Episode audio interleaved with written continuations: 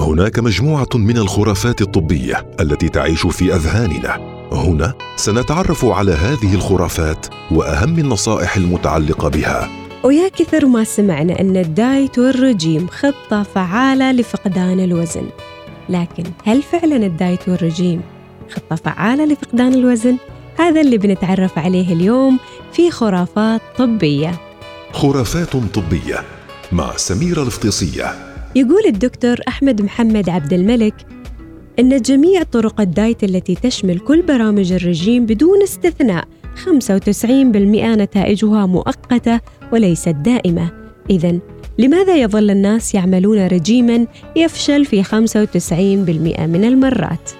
والإجابة تقول لأنهم يدخلون فيما يسمى مصيدة الرجيم التي تتكون من وزن زائد، الإحساس بالذنب، رجيم، فقدان وزن سريع ومؤقت، ثبات الوزن، ملل من الرجيم، تعود لأكلك ونمط حياتك غير الصحي، ووزن زائد والإحساس بالذنب وهكذا يتبع الموضوع نفسه.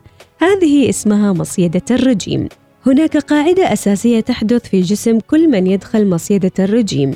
جسمك سوف يرى فترات الرجيم كمجاعة وسوف يبطئ معدلات حرق السعرات الحرارية خلال فترة الرجيم حتى يضمن بقائه وسوف يخزن كل سعرة حرارية ممكنة على هيئة دهون عندما لا تكون بالرجيم.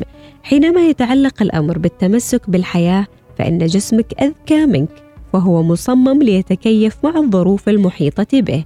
وفي كل مرة تدخل بها مصيدة الرجيم فإن جسمك يتمسك بالدهون أكثر ويعاندك أكثر في عملية فقدان الدهون أكثر. ببساطة لا يمكنك العيش طوال حياتك على ورقة رجيم مكتوبة من أخصائي تغذية أو على دايت أو على الوجبات التي توصلها الشركات الغذائية لأن جسمك يرفضها عقلك يرفضها والأهم من ذلك معدتك. ترفضها أيضاً.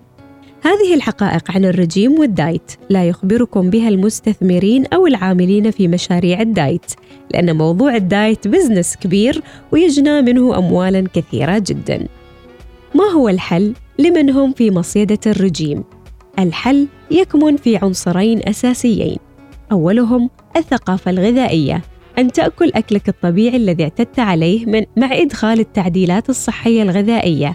ذلك يعني أن تأكل أرز خبز سكر ودهون بالأنواع والكميات اللي يحتاجها جسمك وبطريقة الطهو الصحيحة.